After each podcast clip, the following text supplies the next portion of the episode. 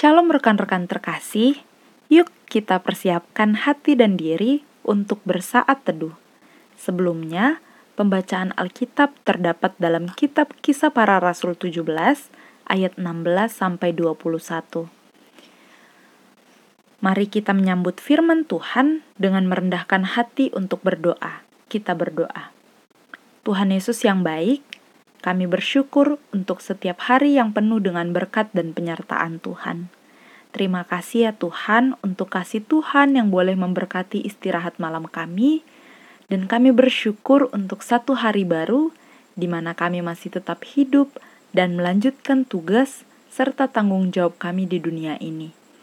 Ya Tuhan Yesus, saat ini kami rekan-rekan gerakan pemuda Batra Hayat akan membaca dan mendengar firman-Mu melalui Sabda Bina Pemuda. Kuasai hati dan pikiran kami melalui rohmu yang kudus, agar kami boleh dimampukan untuk mengerti maksud Tuhan, serta dimampukan untuk menjadi pelaku kebenaran firman Tuhan di kehidupan kami. Terima kasih ya Tuhan, di dalam namamu kami sudah berdoa dan berterima kasih. Amin. Kisah para Rasul 17 ayat 16 sampai 21. Demikian firman Tuhan. Paulus di Athena. Sementara Paulus menantikan mereka di Athena, sangat sedih hatinya karena ia melihat bahwa kota itu penuh dengan patung-patung berhala.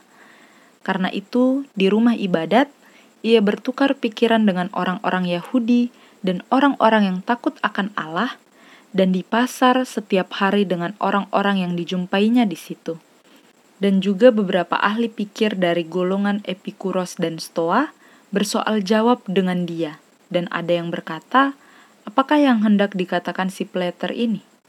Tetapi yang lain berkata, rupa-rupanya ia adalah pemberita ajaran dewa-dewa asing, sebab ia memberitakan Injil tentang Yesus dan tentang kebangkitannya.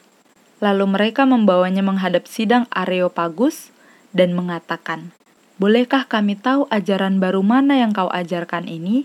Sebab engkau memperdengarkan kepada kami perkara-perkara yang aneh. Karena itu kami ingin tahu, apakah artinya semua itu. Adapun orang-orang Athena dan orang-orang asing yang tinggal di situ tidak mempunyai waktu untuk sesuatu selain untuk mengatakan atau mendengar segala sesuatu yang baru. Demikian pembacaan Alkitab. Judul Sabda Bina Pemuda pada hari ini, 20 September 2021 adalah Menjalin Komunikasi, Menggali Informasi. Dalam pengalaman pelayanan sebagai pendeta yang harus berpindah tugas ke berbagai daerah, penulis belajar bahwa menggali informasi yang tepat terkait kehidupan warga jemaat merupakan hal yang sangat penting. Informasi awal dari rekan pendeta yang digantikan harus dilengkapi dengan berbagai informasi yang diperoleh dari berbagai pihak. Beragam informasi itu akan sangat menolong untuk memahami karakteristik jemaat. Penggalian informasi untuk memahami situasi juga tampak dalam perikop pembacaan hari ini. Paulus yang sedang menunggu kedatangan Silas dan Timotius di Athena melakukan penggalian informasi terkait dengan situasi kota Athena yang penuh dengan patung-patung berhala didorong oleh keprihatinannya akan kondisi kota, ia berdiskusi baik dengan penganut Yahudi, orang yang takut akan Allah, bahkan mereka yang dijumpainya di pasar.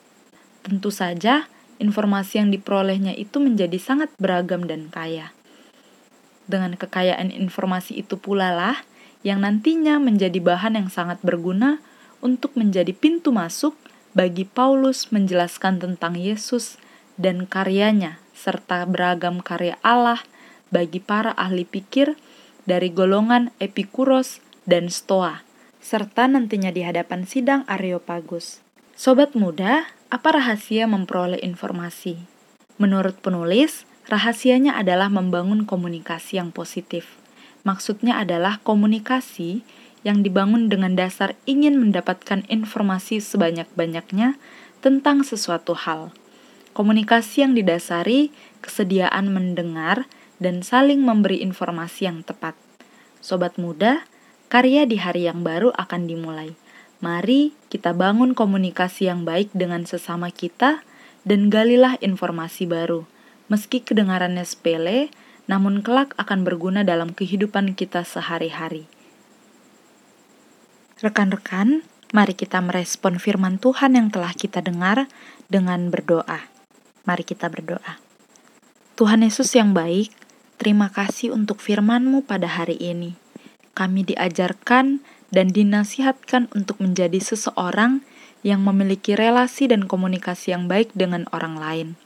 Tuhan, biarlah komunikasi yang kami bangun dengan sesama kami terbentuk berdasarkan kasih Tuhan. Ya Tuhan, ketika kami diperhadapkan dengan pergumulan yang dialami oleh sesama kami, mampukan kami untuk boleh menjadi pendengar yang baik, bahkan kami boleh saling mendoakan dan menguatkan. Terima kasih ya Tuhan, berkati kami setiap anggota gerakan pemuda yang telah mendengar renungan ini, tolong sertai kehidupan dan masa muda kami, bahkan apa pun pergumulan yang kami hadapi, kiranya Tuhan saja yang menjadi kekuatan, pertolongan, dan penopang kehidupan kami. Berkati kami, keluarga, dan sesama kami. Inilah doa dan ungkapan syukur hati kami ya Tuhan, di dalam nama Tuhan Yesus Kristus, Juru Selamat kami yang hidup. Amin. Selamat melanjutkan aktivitas teman-teman. Tuhan Yesus memberkati ya.